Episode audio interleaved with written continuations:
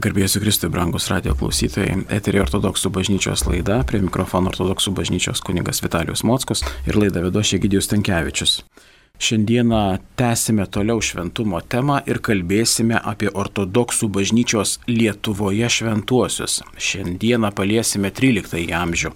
Tačiau prieš bendrai kalbant apie šiuos, na, sakyčiau, ypatingus žmonės, kadangi tai yra vis tik tai žinomų šeimų žmonės.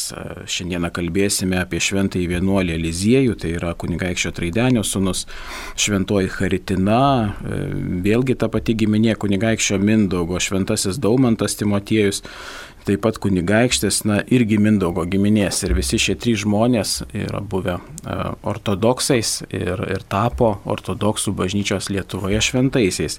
Tačiau dar reikėtų tokį svarbų dalyką vėlgi priminti, jog Lietuva ir visas, na, ortodoksinis, orto, visi ortodoksai turi ypatingą nuo pernai metų jau paskelbtą šventę, tai yra Lietuvos ortodoksų bažnyčios šventųjų minėjimą Liepos 26 dieną, kada visi ortodoksai rinksis ir iš tiesų šią nuostabią šventę pažymės visos dienos buvimu kartu, meldimusi kartu ir tuo džiaugsmu, kurio galėsime dalintis visi kartu.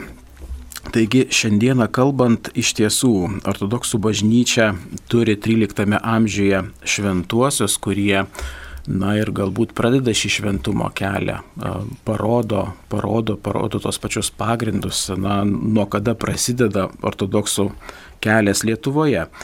Ir, ir ko gero reikėtų pradėti nuo, nuo paties pirmo, kada mes gimimo šio žmogaus, kaip ir na tokia yra švelni paslaptis, ar ne, bet turime mirties metinės 1250 metai, tai yra šventasis vienuolis Eliziejus. Taip, 13 amžius iš tikrųjų, na, mums parodo, kad tuometiniai dar nekrikštytoj Lietuvoje, pagoniškoj Lietuvoje, kur tik tai jau atsiranda krikščionybės, na, tokie žydiniai, galbūt, na, palyginus nedidelės grupės žmonių bendruomenės, štai sužydė šventieji. Manytume, tai tais laikais gal lengviau buvo ten tarkim, kokį kankinį, nuėjo į, į kokią gentį, bandė skelbti Jėzų, Evangeliją, jį nužudo ir paskelbėm šventuoju. Tai va čia labai toks lyg ir paprastas atrodo kelias, bet mes patys galbūt ne visai, na ir, ir suprantam, suvokiam, na ir galbūt ir supaprastinam jau savo galvoje vat, tą kelią, kadangi e, iš tikrųjų sunku buvo labai tais laikais a, būti krikščionimi. Mes dabar a, iš savo laikų tokiu žvilgsniu žiūrim, ai, tai va pasikrikštijo ir gyvena savo čia mieste ir dirba ten dar ką e, veikia, na, sekmadieniais nueina į bažnyčią. Bet e, čia tokie mes jau sekuliarūs esam ir e, dabar reiktų skelbti Evangeliją, skelbti Jėzų, galima sakyti iš naujo. Kadangi didelė masė, didelis skaičius pakrikštytųjų visiškai ne, nesuvokia, kas tai yra, kam to reikia ir dar daugiau negyvena tuo. Ir todėl iš tikrųjų tokioj aplinkoje yra sunku būti krikščionimi, išpažinti savo tikėjimą, gyventi juo. O, o gyventi tai reiškia ne tik sekmadienį ten kažkur tai eiti ir kažkur pasirodyti, gal kas pamatys, bet kasdien gyventi. Ir tai yra sunkiausia. Kasdien, namie, darbe, su kaimynais, e, su draugais, visur tu esi krikščionis. Ir, e, na, pagalvokime apie tai. Sunku, sunku ir šiais laikais parodyti savo pažiūras. Ir dauguma jų nerodo arba jų ir, ir, ir neturi net. O tais laikais žmonės buvo tikintys. Ir jeigu pasikrikštijai, na tai e, toks buvo e, Na, ne, jeigu ne prievarta ten, nekaip, o jeigu jau tu pats e, nusprendėjai ir pasikrikštėjai, tai jau tada tuo tikėjimu ir gyveno. Ir, ir tas pats Eliziejus ir kiti šventieji ir kiti žmonės, kuri, kurių mes galbūt niekada ir nesužinosim, tą palyginus nedidelę krikščionišką bendruomenę Lietuvoje, bet gyveno tarp pagonių, kurie irgi tikėjo. Ne šiaip buvo tokia, na, koks skirtumas, kaip jis ten tiki. Tais laikais e, buvo didelis skirtumas, kaip jis tiki. Ir tai buvo tam tikra deklaracija galbūt net e, na, apsisprendimas būti vienoj ar kitoj pusiai. Ir nuo to priklausė, ar tu būsi įleistas ten, tarkim, į e, e, valdininkų ratą. Nes tarkim, jeigu tu krikščionis, tai tu galėjai ten ir nepapulti ir taip toliau. Va tokių, tokių problemų daug iš tikrųjų kildavo ir aišku namie, aišku savo aplinkoj, savo ne, tokio jau socio bendruomeniai. Ne, visi mato, visi žino, kad tu krikščionis ir kaip tau gyventi. Tai vad žmonės gyveno tą e, krikščionybę, gyveno savo tikėjimu ir todėl iš tikrųjų tai buvo sunkus kelias, e, sunkus gyvenimas. Ir e, ta bendruomenė nedidelė krikščioniška štai, e, na, išugdė e, tokį, tokį žmogų, kuris, na, apsisprendė visko atsisakyti ir būti vienuoliu. Vienuoliu tuometiniai, dar reikia paminėti, jog jis buvo ne paprastos ten kilmės, o tai irgi tais laikais buvo svarbu. Na, paprastas žmogus, niekieno ten nežinomas, e, ką jis ten daro, koks skirtumas. O čia buvo e, kunigaikščių giminė.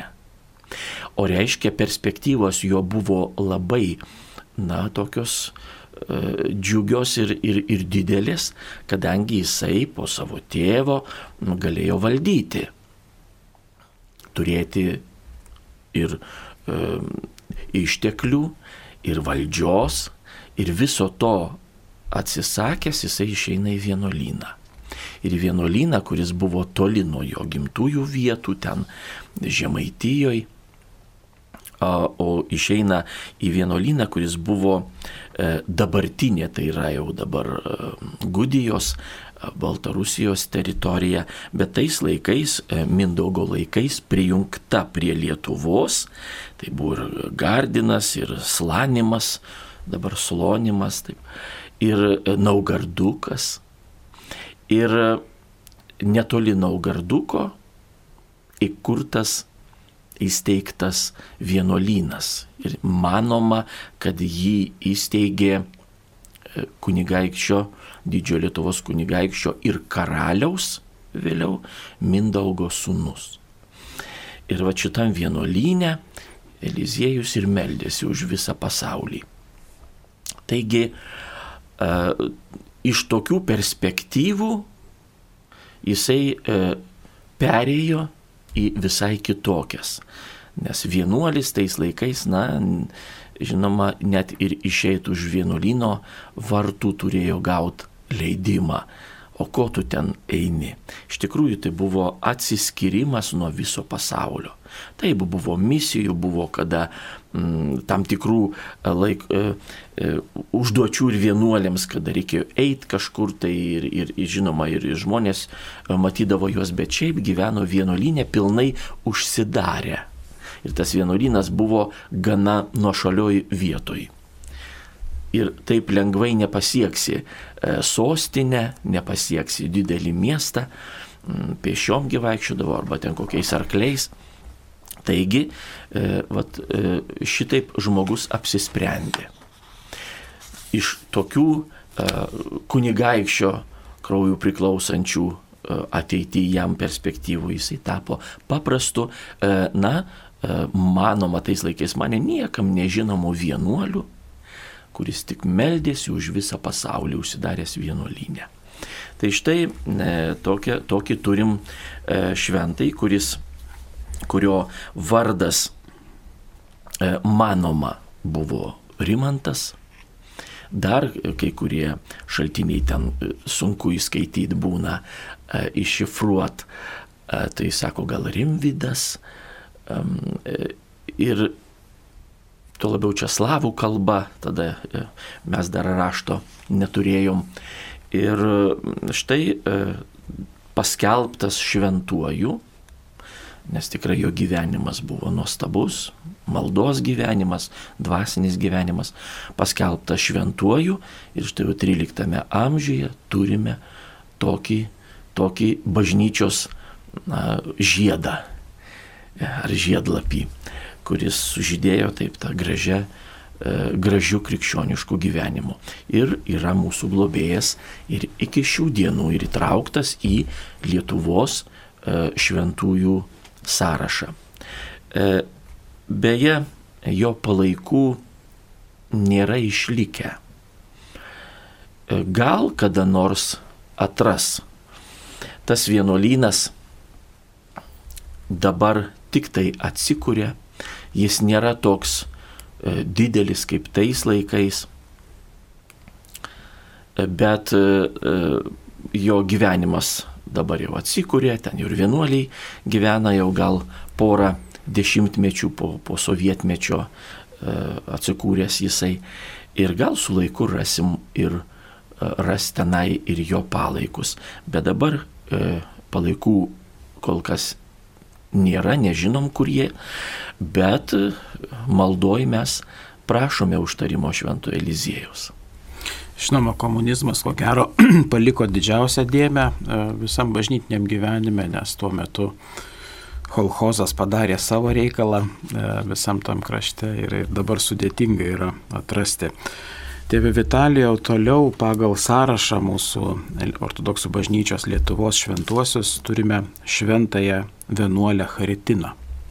Taip pat e, kunigaikščio Mindaugo giminė Taip, e, net, e, sakysim, tokia keista istorija, kaip atsirado šita šventoji, kaip e, ji tapo ją keista kodėl. Ji buvo Mindaugo giminaitė, tais laikais kunigaikštis rūpinosi savo artimaisiais ir tas rūpestis buvo ne tik kaip pamaitinti, ką, ką valgys, ką apsirengs ir kur gyvens. Bet buvo, kas dabar e, gal keistoka, bet taigi monarchų e, giminės atstovai turėjo nedaug laisvės e, net ir savo šeimininiuose santykiuose ir Haritinai, tai Daumanto giminaitai, buvo pasakyta, kad ji turės ištekėti. Ir ne už to, kurį ji ten mylėtų, gal ji turėjo kokį nusižiūrėjus, gal ne, čia nežinom, o tiesiog jai buvo pasakyta, tu ištekėsi už šito ir jinai turėjo paklusti, nes jeigu nepaklūstų, tai tai būtų problemų daug dėl to. Ir štai e, jai buvo nurodyta, jog ji turi ištekėti už vieno iš Naugardo kunigaikščio Aleksandro brolio. Aleksandrą mes irgi žinom kaip šventai Aleksandrą e, Neviški nuo Nevos upės. Tas toks pavadinimas, titulas, e, pavadinimas e, jam suteiktas e, atskirti nuo kitų Aleksandrų. Tuomet jis valdė Naugardą ir jo brolis Teodoras turėjo tapti va tos Mindaugo giminaitės vyrų. Jinai nuvyksta į Naugardą kad susituoktų, tada tai buvo svarbu, ji turėjo tapti krikščionę. Ir jinai pasikrikštyje Naugarde, tampa krikščionė ir jau ruošiamasi vestuvėms. Ir staiga jos sužadėtinis, jai išrinktasis, nes jeigu sakom išrinktasis, tai lyg tai ir jos būtų, jai išrinktasis sužadėtinis miršta. Ir jinai apsisprendžia, kadangi jau esu krikštyta, nebegrįšiu į Lietuvą, o pasiliksiu ten, Naugarde, šalia to miesto viename iš moterų vienuolynų. Kodėl? Todėl, kad jinai nors ir buvo taip, na, priverstinai tekinama, bet e, galbūt ji ir tikrai pamačius tą Teodorą savo sužadėtinį jį pamilo. Čia viena pirmą taip galima būtų paminėti. Antra, ir todėl nenorėjo už kito jau tekėti, nes dabar jai rinksgi kitą kažkokį tai sužadėtinį ten vyrą. Antras dar buvo motyvas jai. E, jinai e, krikštyta ir grįž dabar vėl į Lietuvą, o ten, na, kokia ten e, ta krikščionybė dar tik tik užsimesgusi, Ir ji, na, apsisprendė daugiau netekėti ir negrįžti į Lietuvą, o tam vienuolynė visą gyvenimą ir būti. Beje, jinai tapo to vienuolino vyresnėje. Ja su laiku išrinko ir paskyrė vyresnėje. Tai reiškia, jau taip pat jos gyvenimas net ir iš šito fakto matom, jog buvo, na, toks ne, nepaprastas, jeigu ją jau paskyrė vyresnėje. Ir kada jinai e, mirė, manoma, kad mirė 1281 metais, kiti šaltiniai nurodo 87 metus, na ir e, nugyveno maždaug, tada sakykime, maždaug e, 60 metų tais laikais tai buvo jau amžius. Ir palaidota ten pat, tam vienuolyne. Ir laikui bėgant, ilgainiui jinai buvo paskelbta šventąją. Vien, tas vienuolynas, moterų vienuolynas šventųjų paštalų Petro ir Povilo Pauliaus e, sunyko jau 18 e, amžiuje žinome, jog e, ta bažnyčia, tos, to vienuolino bažnyčia buvo e, na, paversta jau kapinių bažnyčia, o ne vienuolino jau pagrindinė. Ir e, todėl vėl jos e, palaikų neturim, nežinia, kur dabar jie yra, kur ta vieta jos palaidojimo, dar bent jau reikia tikėtis taip optimistiškai žvelgiant, dar nerasti tie palaikai, vėl ateityje ras gal, bet e, štai e, melžiamės jai ir turim tokią gražią, štai net ir istoriją iš Lietuvos. Karaliaus Mindaugo giminaitė atsidūrė Naugarde, tapo vienuolė ir paskelbta šventąją. Vėl žiūrint į jos gyvenimą, į jos maldą, į jos ryštą, e, o taip atsivertus e, visą save atiduoti Dievui. Taip pat šiandieną dar turime e, aptarti dar vieną šventai, tai yra Daumantas Timotiejus, taip pat Mindaugo giminė kunigaikštis. Taip, 13 amžius vėl atrodytų ir ta nedidelė bendruomenė, bet štai trys šventieji. Nuostabu, e, džiugu ir gera turėti tokius užtarėjus. Daumanto vėl tokia, ne, manytume, lyg ir tragiška e, istorija jo gyvenimo, bet Dievas taip sutvarkė, kad viskas taip išėjo į gerą ir į naudą. Timotijus buvo Mindaugo giminaitis, bet e, ne, ne o per žmonas jų. Nes karaliaus Mindaugo žmona ir Daumanto kunigaikščio žmona, jis buvo Nalšios kunigaikštis. Tai e, manoma, kad dabar čia kažkur tai apie švenčionis ten kažkur buvo ta kunigaikštystė. E, ir jų žmonės, žmonos buvo seserys. Tai štai vat, ta, tas toks giminystės ryšys. Bet e, vėl tais laikais e, visai kitoks žmonių buvo supratimas ir gyvenimų, ir aplinkybių. Mes galbūt dabar taip nedarytume, o tais laikais tai buvo įprasta. Kilo konfliktas tarp kai kurių kunigaikščių ir karaliaus Daumanto. Mes žinom, jog Daumantas ir karaliaus Mindaugo, atsiprašau. Mes žinom, kad Daumantas e, nenorėjo paklusti Mindaugui.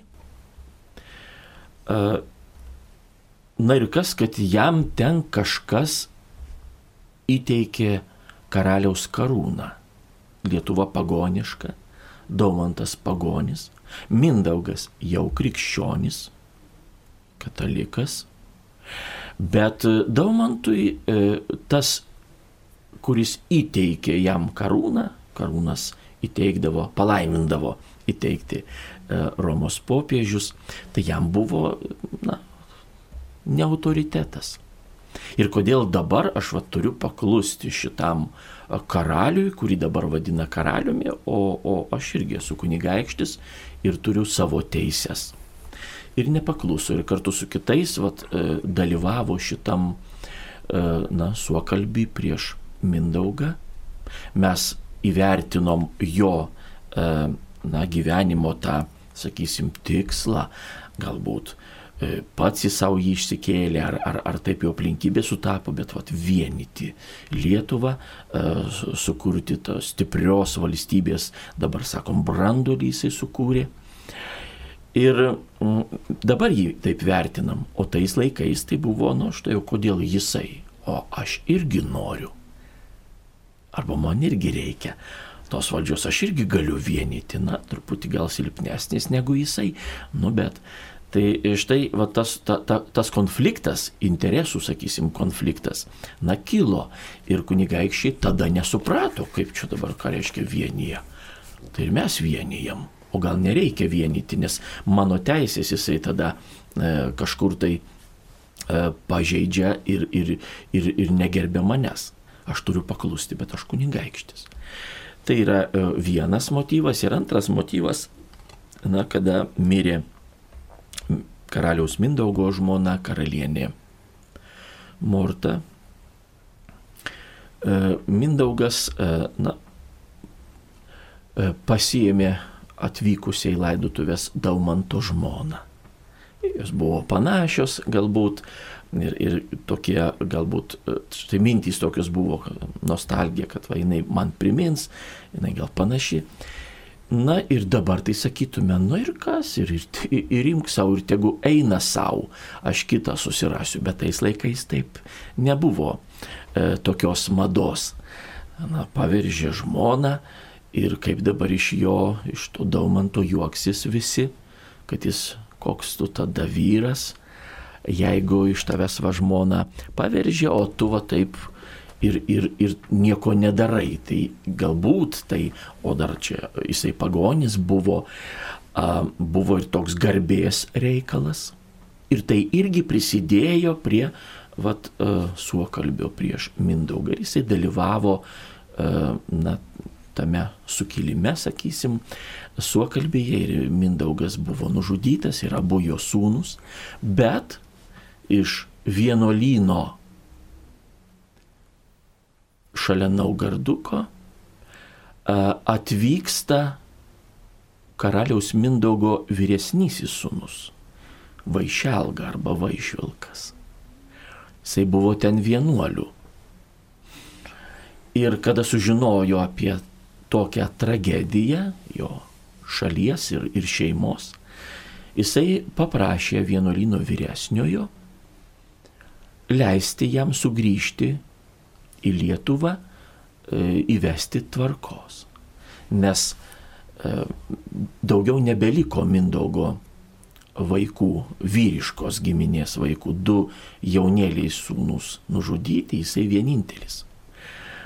Ir jam buvo leista trims metams, e, sakykime taip, suspenduoti savo vienuolio įžadus ir jisai grįžta į Lietuvą, įveda tvarką, perduoda valdymą savo sesers vyrui, Švarnui, ir grįžta atgal į vienuolyną.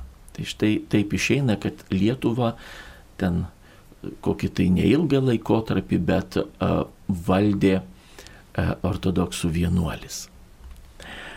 Nes uh, na, jisai nebuvo tuo metu vienuolinė, bet uh, ortodoksų pasaulyje nėra na, tokio reiškinio, kaip tarkim, jeigu davėjai įžadus, tai laikinai ten dešimčiai metų, penkiolikai, trims ir tada vėl grįžti ir esi jau nebe vienuolis, o pasaulietis. Ne, jeigu jau duoti įžadai, jie būna tik amžini visam gyvenimui. Kitaip tariant, tėvė Vitalio, jeigu tu išeini iš vienuolyno, tu tampi tu savotiškų dezertyrų. E, taip, bet tada būna tokiu atveju, kada, e, na, e, na, pabėga, tarkim, ar ten kažkokia, na, įvyksta tragedija, sakykime, su, su žmogumi ir jisai grįžta į, pasaulį, iš vienuolyno išeina, galbūt savavališkai ar ne, čia nesvarbu, bet išeina. Ir tada būna, kad reikia tiesiog e, jį gražinti į pasauliečių luomą. Bet čia turi būti priimtas sprendimas jau nuimti nuo jo e, tą vienuolį, vienuolio atsakomybę jau prisimta, tuos įžadus ir nebeleisti dėvėti vienuolio drabužių, reiškia gražina pasauliečių luomą. Bet čia to nebuvo, tai todėl ir sakau, kad mus valdė ortodoksų vienuolis. Ir e, tuo metu, kada Vaišelga e, grįžta į, e, ne į Lietuvą, į sostinę grįžta iš tuometiniai Lietuvos teritorijų buvusio vienuolyno. Daumantas turi bėgti, nes būtų jam riesta, būtų blogai ir jisai su savo tokia artima palyda bėga, o kur bėgti? Nei pas kryžiuočius, nei kur kitur ir jisai nutarė pasitraukti į šiaurę, į Pskovą. Pskovė jį priima, jisai mato aplinkui, ten jau slavų e, žemės, jau krikštytų žmonės, mato daugybę bažnyčių, cerkvių ir pats pasikrikštyje. Ir štai mes sakom Daumantas, o, o, o dar kitas vardas jo yra Timotiejus. Jis, jam suteiktas jau krikšto vardas, krikščioniškas vardas Timotiejus.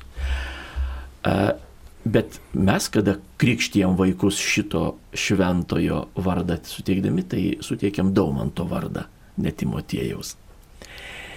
Ir štai jisai pasikrikštyje ir tai yra vienas iš nedaugelio atvejų, nes istorija užfiksavus, na ne vieną, o daug Lietuvos kunigaikščių, kurie pasikrikštijo tam, kad galėtų valdyti slavų žemių miestus. Jie ten buvo siunčiami savo tėvų e, valdyti ir pasikrikštiję, nes kitaip juos nepriimtų, jie turi būti krikščionys, kad krikščionys valdytų. E, bet e, širdimi tai jie ir, ir nelabai ten degė. Reikia pasikrikštijo. O čia buvo vienas iš nedaugelio atvejų, kada krikštas buvo tikrai vaisingas, kada žmogus apsisprendžia ne tam, kad turėtų e, pažymėjimą, o tam, kad gyventų krikščioniškai. Ir Daumantas šitaip apsisprendė gyventi krikščioniškai. Ir gyveno taip, kad pirmą jį išrenka kita tautį, neseniai pasikrikštijusi, išrenka Pskovo kunigaikštystės valdovų, kunigaikščių. Pskovas tuo metu buvo tokia, sakysim, pusiau respublika, nes kunigaikščius rinkdavo, jie buvo kaip tokie vadovai, ne, ne, tuo metu nebuvo dinastijų, kad paveldi sunus ten ar kitas giminaitis tiesiog rinkdavo kaip ir savo gynėją, miesto gynėją ir kunigaikštystės. Tai štai išrinko labai tokį ir karingą, ir sumanų, ir dabar dar pasikrikščiojus, ir labai gražiai krikščioniškai gyvenantį Daumantą Timotiejų. Ir jisai valdė Pskovą apie 30 metų, 30 mečius. Ir mirė 1299 metais. Ir štai jį išrinko kunigaikščių, tai reiškia, koks pasitikėjimas juo buvo tuo ateiviu, pabėgėliu. Dabar tą žodį dažnai girdim, kas jie tokie, va, pabėgėlis buvo. Ir uh, galiausiai ir paskelbė šventuoju. Toks gražus krikščioniškas vėl buvo jo gyvenimas.